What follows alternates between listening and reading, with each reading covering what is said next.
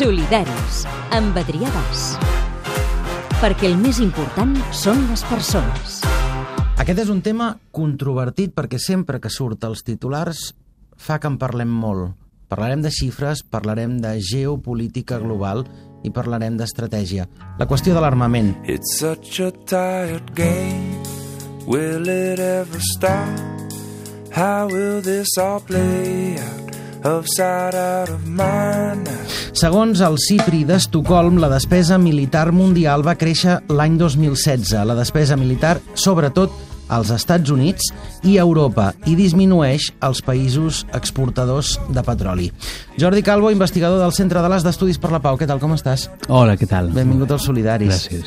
La despesa militar mundial va arribar als 1.686 bilions en B de dòlars l'any 2016, sobretot amb un increment del 0,4, que sembla poc, però no ho és, del 0,4% en termes reals respecte de l'any anterior, segons aquestes noves dades de l'Institut Internacional de Recerca per la Pau, el CIPRI, d'Estocolm. Les tendències i els patrons en despesa militar varien considerablement segons la regió de la que parlem i per això avui ets aquí, Jordi, perquè les comentarem totes. Ens ajudes? Fantàstic.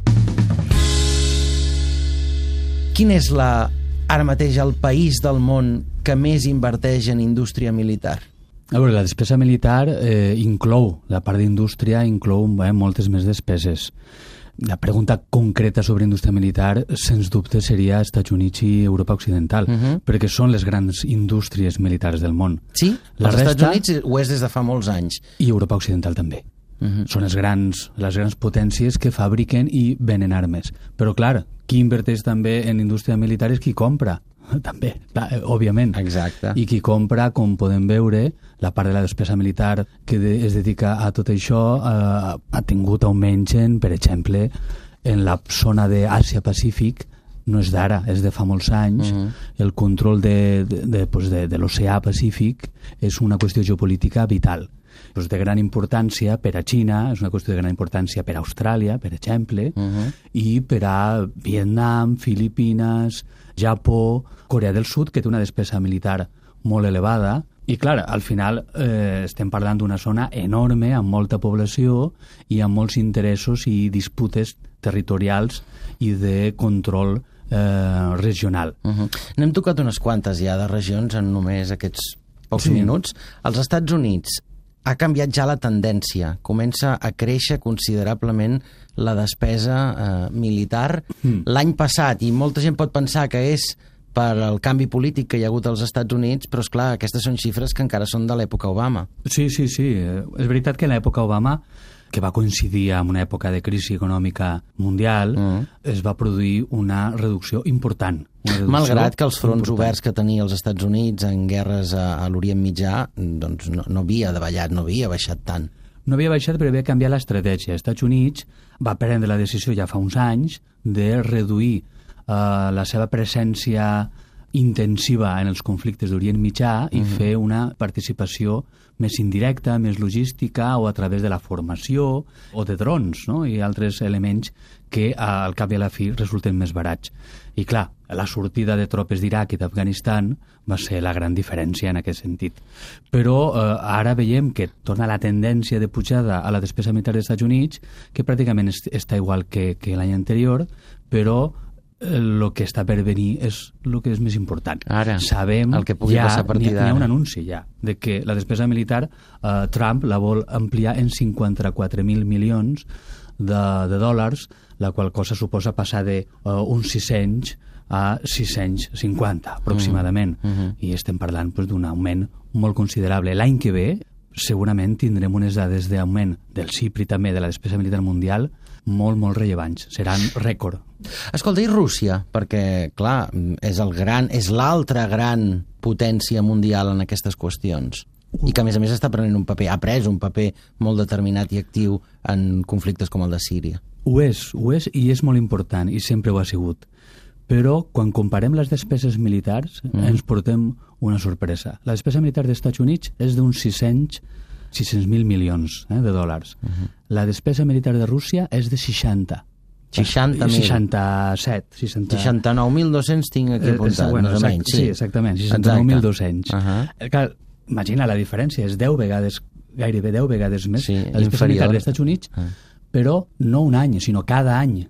Uh -huh, de manera a sostinguda. l'acumulació Mhm. de diferència de capacitat militar d'un a l'altre Mhm. és enorme. O sigui que Rússia és, és molt preocupant, òbviament, a nivell del de, comportament de l'ús de les capacitats militars que pot fer, com hem vist pues, els darrers anys. Clar, però Rússia se la interpreta o se la llegeix com una amenaça Sí. i, i és la causant que alguns països de l'Europa central hagin augmentat la seva despesa militar per la por de la Mm. possible reacció de Rússia, pensem en les, les antigues repúbliques eh, sí, bàltiques, no? Sí, sí. Jo, la veritat és que no sé quanta raó pot haver-hi. Eh? Jo crec que Rússia el que sí que fa és buscar el seu lloc i defendre la seva zona d'influència i considera puntualment pues, que n'hi ha alguns ex Mhm. països de la Unió Soviètica que han d'estar sota el seu control o influència. Antics I quan veu que que, l'OTAN s'està apropant, reacciona pues, d'aquesta manera. Uh -huh.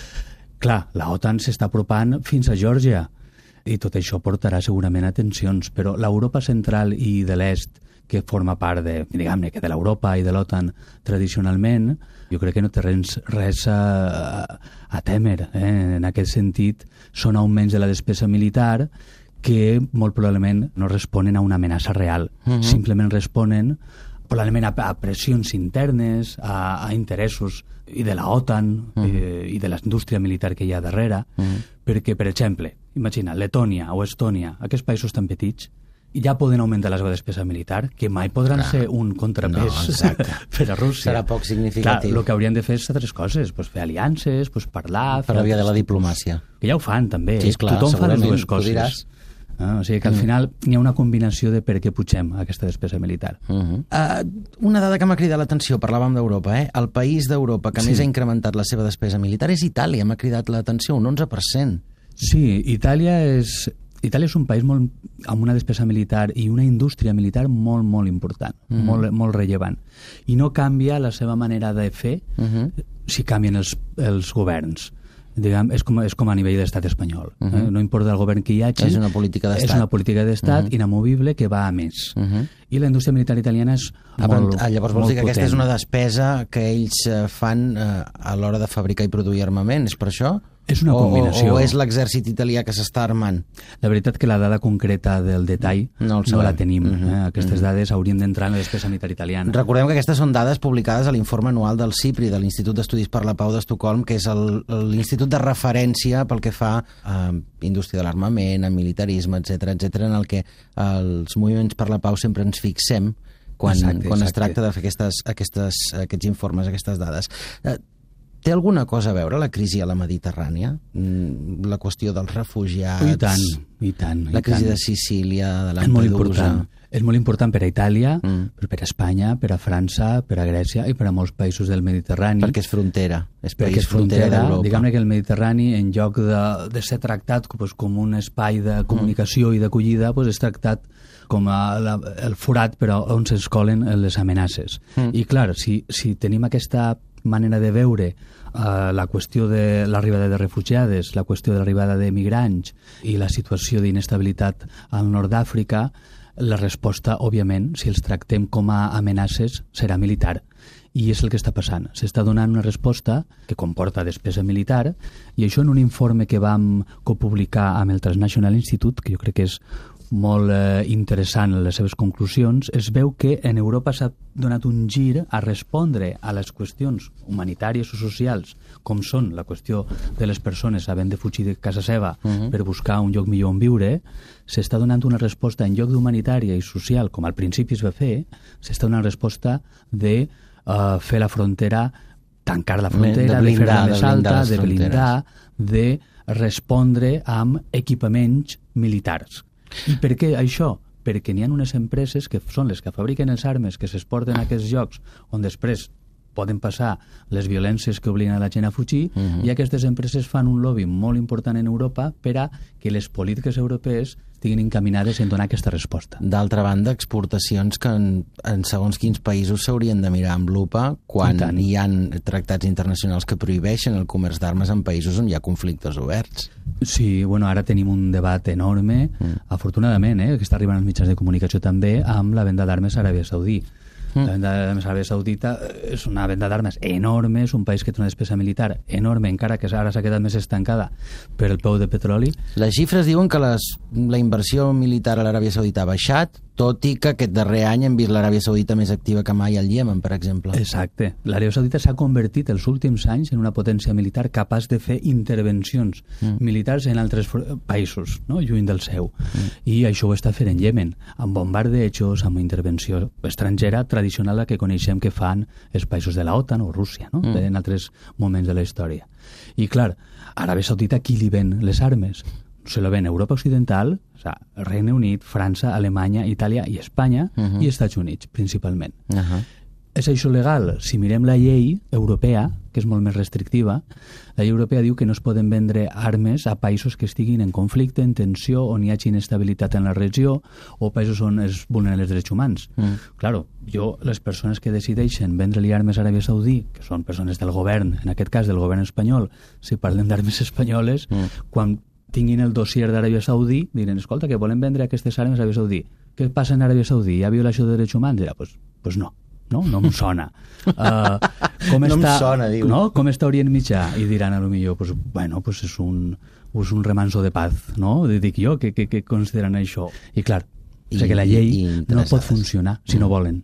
Exacte. Eh, parlàvem de l'Aràbia Saudita a, a la regió, a tota la zona de l'Orient Mitjà, diuen les xifres d'aquest any passat que ha baixat la despesa militar, però clar, hi ha molts països dels que no tenim dades, per tant és difícil de valorar realment sí. què és el que ha passat per allà.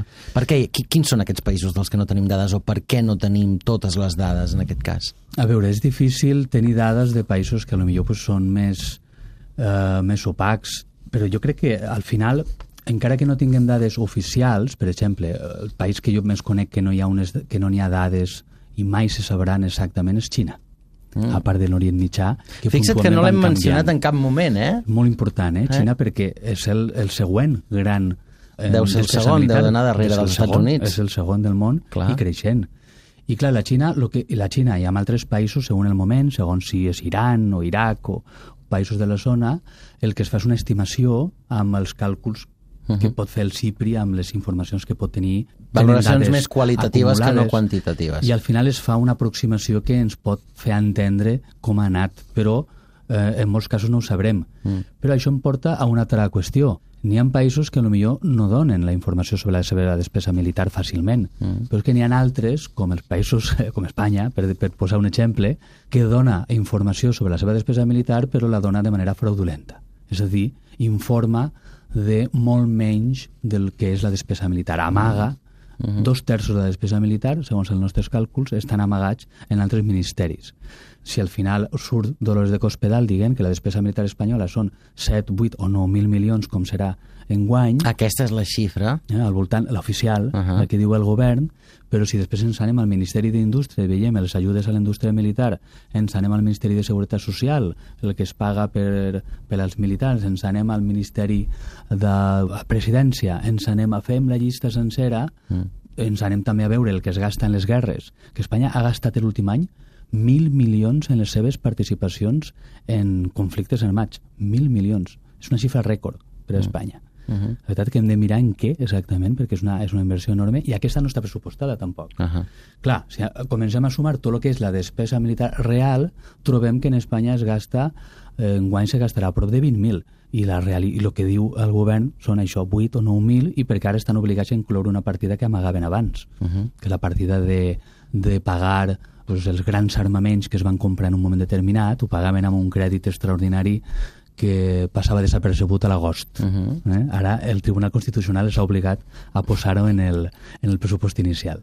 Parlàvem dels països que han incrementat la seva despesa militar, però l'informe també parla d'aquells que l'han disminuïda, zones principalment de l'Amèrica Central, de l'Amèrica de Sud-amèrica. Sí, Per què? Sí. O què vol dir aquesta disminució? Jo crec que eh, les disminucions responen eh, molt a qüestions internes. Eh? Per exemple, en Venezuela eh, és obvi que han de, han de reduir la despesa militar mm. pues perquè no tenen pressupostos per a fer front no, a moltes necessitats que hi ha internes, encara que eh, probablement el que voldrien és el contrari. Mm. El capítol Venezuela també s'engloba en aquells països exportadors tradicionalment de petroli, Sí, és que per la caiguda d'aquestes exportacions, no només a l'Amèrica Llatina, també Mhm. suposo que al Golf o a l'Orient Mitjà, també han baixat la despesa militar perquè no tenien amb què pagar-ho. Exacte. Però a part d'aquesta qüestió interna, que a vegades és molt marca les polítiques perquè no hi ha recursos suficients i n'hi ha altres prioritats, el que aquí es pot mostrar és que n'hi ha regions del món calentes a nivell de conflictes, com és Orient Mitjà, on veiem que la despesa militar ha anat en augment i les exportacions d'armes que han arribat allà han sigut molt altes els últims anys, i en Amèrica Llatina podem veure que, diguem que és un espai que combina una resposta als conflictes eh, més basada en la diplomàcia, en espais de diàleg i d'intercanvi. És un espai que tradicionalment s'ha mantingut també fora dels enfrontaments entre estats militars i, a més, és una zona que fins i tot ha tingut alguna iniciativa molt, molt interessant com la de declarar-se una zona no nuclear. Mm. És a dir, té iniciatives pròpies en les que diuen pues, en, en la qüestió d'armament nuclear no invertirem perquè ens posem d'acord tots en no fer-ho. Uh -huh. Tot això va generant, diguem-ne, una manera de fer política en, quan el tema militar que en algunes ocasions pot comportar reduccions. Però, ojo, no ens oblidem que aquí n'hi ha un país que vol ser el líder militar de la zona, que es diu Brasil. Mm. I hi hagi qui hi hagi en el govern. Sí, és la gran potència dels enormes. de l'Amèrica Llatina. Vol ser la potència en tots els sentits i en, en qüestió militar també. Mm. Parlem de l'Àfrica. Se la menciona poc en aquest informe del CIPRI. Sí, sí, no ha tingut unes tendències tan preocupants eh, aquest últim any. Eh? Però bueno, n'hi ha alguns països que continuen liderant la, la despesa militar, com tradicionalment és Sud-àfrica, és Nigèria, és Kènia, són les grans potències militars de- de- d'Àfrica. I tots aquests països on hi ha guerres obertes o conflictes que, que estan cronificats perquè fa tants anys que, que hi són, d'on treuen l'armament? Bueno, a vegades ho sabem i altres no. Mm. Per exemple, l'època centrafricana, no? o l'est del Congo, o Sud-Sudan. El Sud-Sudan, no? sí, Són països Sudan que estan, Sud, sí. pues, estan passant moltes coses, molta violència armada, però mm. diguem que són amb armes, per dir-ho així, molt barates. Armes petites i lleugeres que poden entrar de qualsevol de les maneres. Mm, no Hi ha estem una parlant part il·legal d'avions de combat, no estem parlant de, de No estem carros de combat, no estem parlant de, de, de vaixells, no estem parlant d'això. No, i moltes vegades són, són armes també de segona mà, que provenen de l'Europa, bueno, de la ex-Unió Soviètica, n'hi ha moltes armes en, en l'Àfrica, que en un moment de descontrol van arribar-hi, mm. però també arriben armes a molts països de Rússia i de Xina, o d'Ucrània, hem trobat moltes vegades, que no tenen uns controls tan estrictes com pot tenir Europa, i el que també hem vist és que, per exemple, malgrat els controls que pot haver en la legislació europea, i és veritat que n'hi ha més pressió de, de l'opinió pública, hem trobat, per exemple, en la política centrafricana, armes espanyoles. En el moment en què estaven matant-se al Seleca antibalaca, en un moment d'enfrontaments bastant intens, en el moment de la Guerra Civil, allà estaven utilitzant armes petites i lleugeres espanyoles perquè no perquè ens hagin informat de que això havia arribat, sinó perquè algú ho ha vist sobre el terreny. Eh, tot aquest know-how aquests darrers dies, aquestes darreres setmanes, s'ha concentrat en aquesta campanya global sobre la despesa militar. Com ha funcionat la campanya? En què ha consistit? Mira, la campanya internacional sobre la despesa militar mm. eh, és una campanya de l'International Peace Bureau, mm. que ara tenim la l'honor, podríem dir, de coordinar-la des de Barcelona, des de l'oficina del centre de l'AS.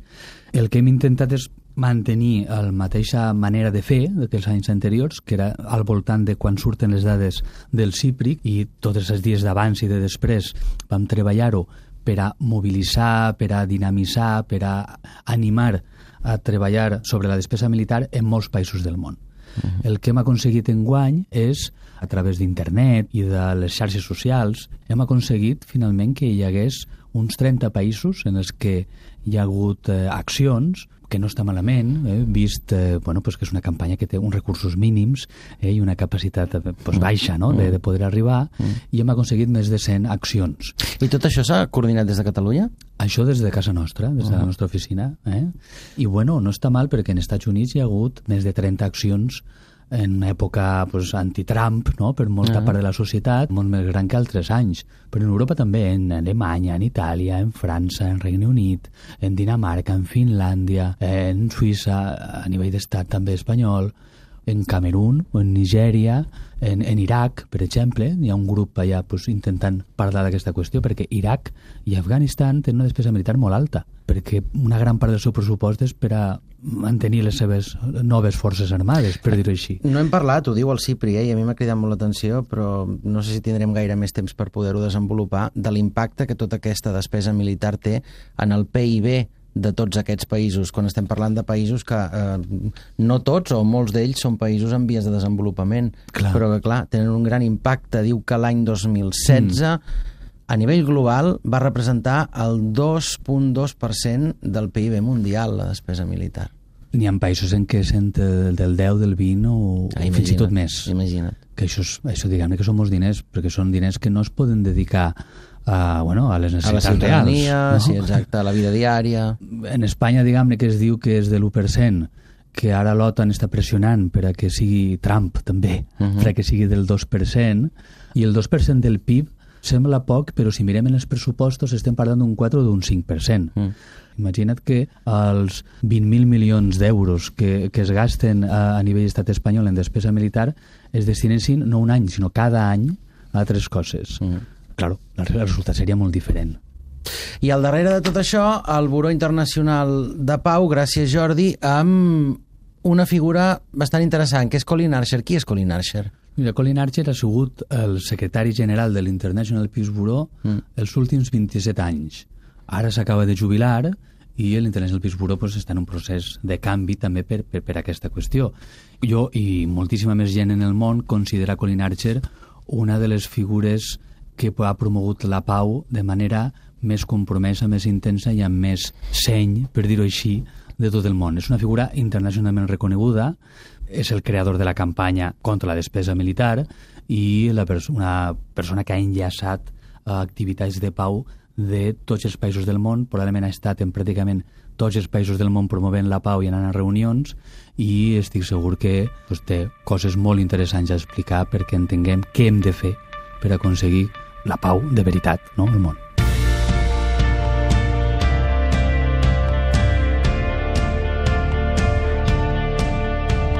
El Buró Internacional de Pau, l'International Peace Bureau, és una entitat de les més antigues en la construcció de pau arreu del món. Va néixer ja al segle XIX. I als darrers 26 anys, qui ha estat al capdavant és el senyor Colin Archer. Señor Archer, buenas tardes. Gracias por estar en Cataluña Radio. Sí, buenas tardes a usted. Usted ahora ya no está al frente del IPB, pero usted será un constructor de paz hasta el fin de sus días. Eh, señor Archer, ¿cómo valora usted eh, los últimos acontecimientos políticos en Europa por lo que respecta a las consecuencias que eso puedan tener en las guerras abiertas en este momento en Oriente Próximo, pero sobre todo en eh, la expansión de la industria militar por delante o por encima de los discursos de paz, de cohesión social y de construcción de la estabilidad mundial? Bueno, es un gran tema. ¿eh? Primero, eh, yo creo que, que, hay que clarificar que nuestra campaña se trata uh, específicamente del, del, dinero público, es decir, los presupuestos de los gobiernos del sector militar. No es únicamente los gastos para comprar armas, porque los sueldos de los militares y toda la administración, toda la inmensa máquina del militarismo ya está muy caro. Entonces, eh, las armas es solamente una parte de una herramienta más, más grande, digamos. Ahora, lo que pasa en el mundo en general es que estamos viendo un, un periodo de más inestabilidad, de tensiones entre los grandes poderes, sobre todo para decidir quién es lo más poderoso. Durante la Guerra Fría fue una concurrencia entre Estados Unidos y Unión Soviética. Ahora tenemos más, más centros de poder, sobre todo la China, pero también los poderes en Medio Oriente vinculado con los movimientos terroristas. Y eso preocupa, por supuesto, en Europa, en Estados Unidos.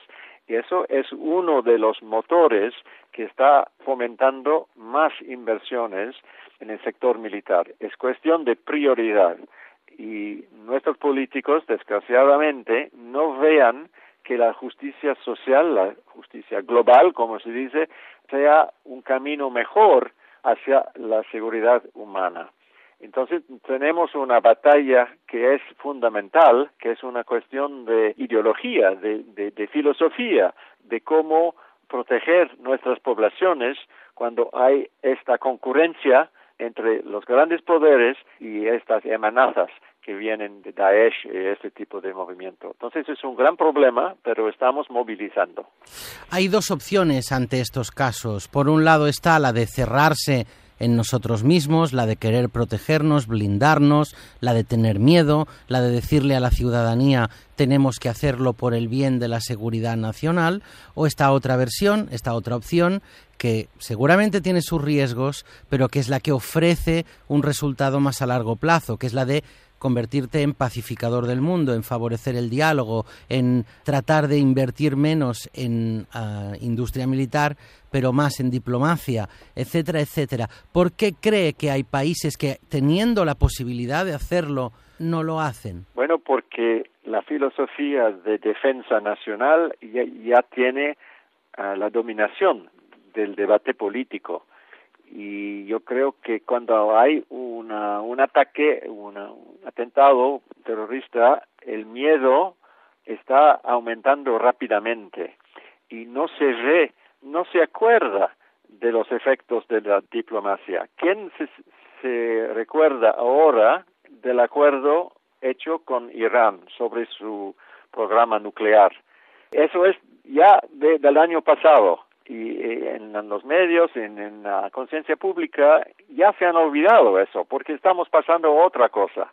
Es Trump, eh, las relaciones con Putin, etcétera, etcétera. Entonces, yo creo que lo que se puede decir es que la manera fuerte, que es la, la primera opción que usted ha, ha, ha subrayado, no funciona. Miramos lo que pasó en Afganistán eso ha, resuelto nada de lo conflicto con el talibán para la pobreza, para los derechos humanos. Probablemente la, la, situación es peor. Seguramente en Irak es peor, y en Libia, y en Yemen, y en Siria. Entonces, el militarismo ha fallado y tenemos que buscar otro camino. Eso es nuestro argumento principal. Parece que por un lado van los gobiernos y por otro lado va la sociedad civil. Muchas veces las manifestaciones eh, en favor de la paz y antiguerra asiste mucha gente, hay mucha gente que sostiene, que apoya la paz en países de Occidente, pero los gobiernos no hacen caso de esas proclamas. ¿Qué es lo que debería pasar desde la sociedad civil organizada para poder impulsar ese cambio? Bueno, hay situaciones distintas. No es necesariamente que hay grandes movilizaciones. Es, es verdad de que lo, lo más importante fue en 2003, antes de la, del ataque contra el Irak, y eso no ha logrado. Estados Unidos han atacado contra la opinión mundial. Pero ahora estamos en una situación un poco más complicada para la Siria, no hay grandes movilizaciones lo que se puede decir es que nosotros en la sociedad civil tenemos que trabajar no solamente de movilizar eh, por la calle, sino también de movilizar por los corredores, es decir, para hacer un, un trabajo de lobbying más eficaz y con más poder político. Tenemos que acercarnos del poder, en la, sobre todo en las capitales, y trabajar con los partidos políticos durante el periodo de las elecciones, pero también en cada día, sobre todo cuando hay presupuestos a aprobar, cuando hay nuevos instrumentos militares, cada cosa tiene que ser aprobado. Uh -huh. Y nosotros tenemos que estar más presente en los medios pero eh, estamos aprendiendo. Ahora hemos hecho eh, el, el, Día Global de Acción sobre el Gasto Militar, el GDAMS. Estamos en el séptimo año. Hemos movilizado en más que 30 países 120 acciones en, distintos tipos en distintos lugares. Entonces, tenemos una comunidad de movilización pero tenemos que hacer mucho más. Y sobre todo porque ahora se acerca una época, por lo menos en el Estado español, en el que va a tocar pagar impuestos, en el que toca hacer la declaración de la renta, en la que la sociedad civil tiene que hacer su aportación a, con sus ganancias al desarrollo del Estado y es un buen momento para recordarles que tal vez no estamos de acuerdo en ese gasto militar tan elevado. Exacto, es un buen momento, y sobre todo en, en otoño, cuando se van a, a aprobar los presupuestos en el mundo entero, hay que hacer que la voz de la sociedad civil sea más fuerte. Pero estamos en un, en un periodo histórico que cambia. El nacionalismo militarizado está avanzando. Tenemos muchas tensiones, eh, bueno, dentro de, de, la propia Europa. Hemos visto el nacionalismo de, de la derecha, el populismo que quiere reforzar todo ese tipo de estructuración de la sociedad con un hombre fuerte a la, a la, a la cabeza.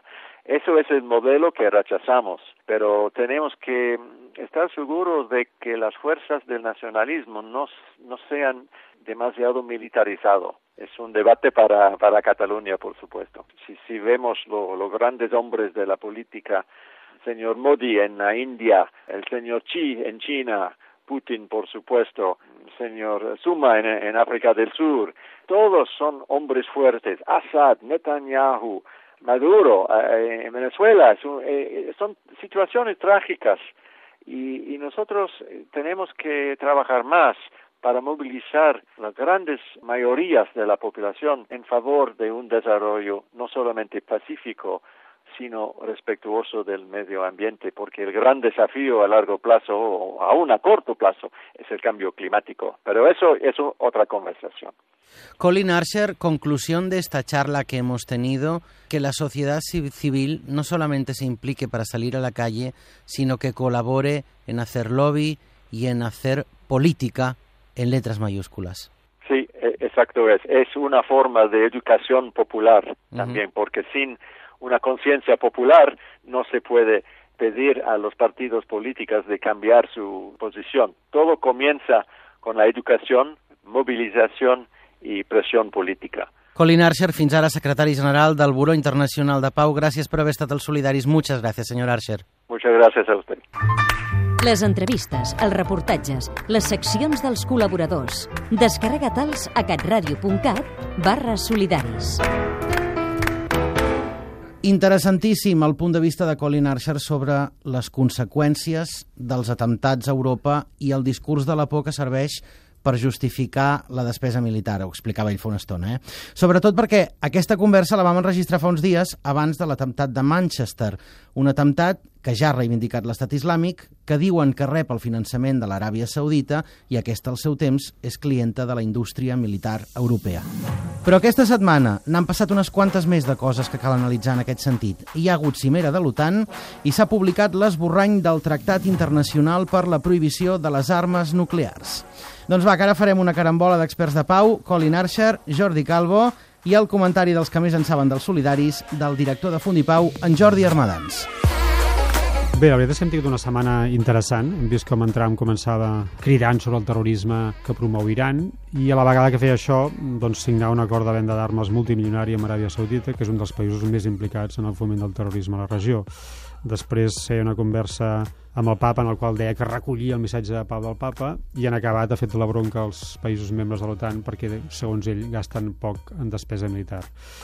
Més enllà de l'histrionisme del personatge, val a dir que no ens acabem convencent de que efectivament es gasta poc en despesa militar. Hem de recordar que la despesa militar del 2016 va ser de les més elevades mai registrades, per tant no és seriós dir que hi ha una despesa militar baixa i en qualsevol cas la despesa militar poc poc fer davant dels problemes de terrorisme actuals que s'han d'abordar des de moltes altres polítiques però no des de la vessant militar i en el fons no hem d'oblidar mai que el militarisme no és una solució als problemes de seguretat, sinó més aviat és un problema que incrementa les manques de, de seguretat. Però per, per parlar també del paper de l'OTAN, eh, val la pena recordar que aquesta setmana ha sortit a l'esborrany del possible futur tractat de prohibició de les armes nuclears i recordar que l'OTAN és un dels agents actius que més boicoteja aquest possible acord i la conferència que es farà el juny amb la cosa hem de dir que tenim sort de que hi ha gent del set civil, alguns estats, alguns diplomàtics que malgrat tot intenten aconseguir una cosa molt important per la salut mundial que és posar fi a les armes nuclears i el seu perill que representen no?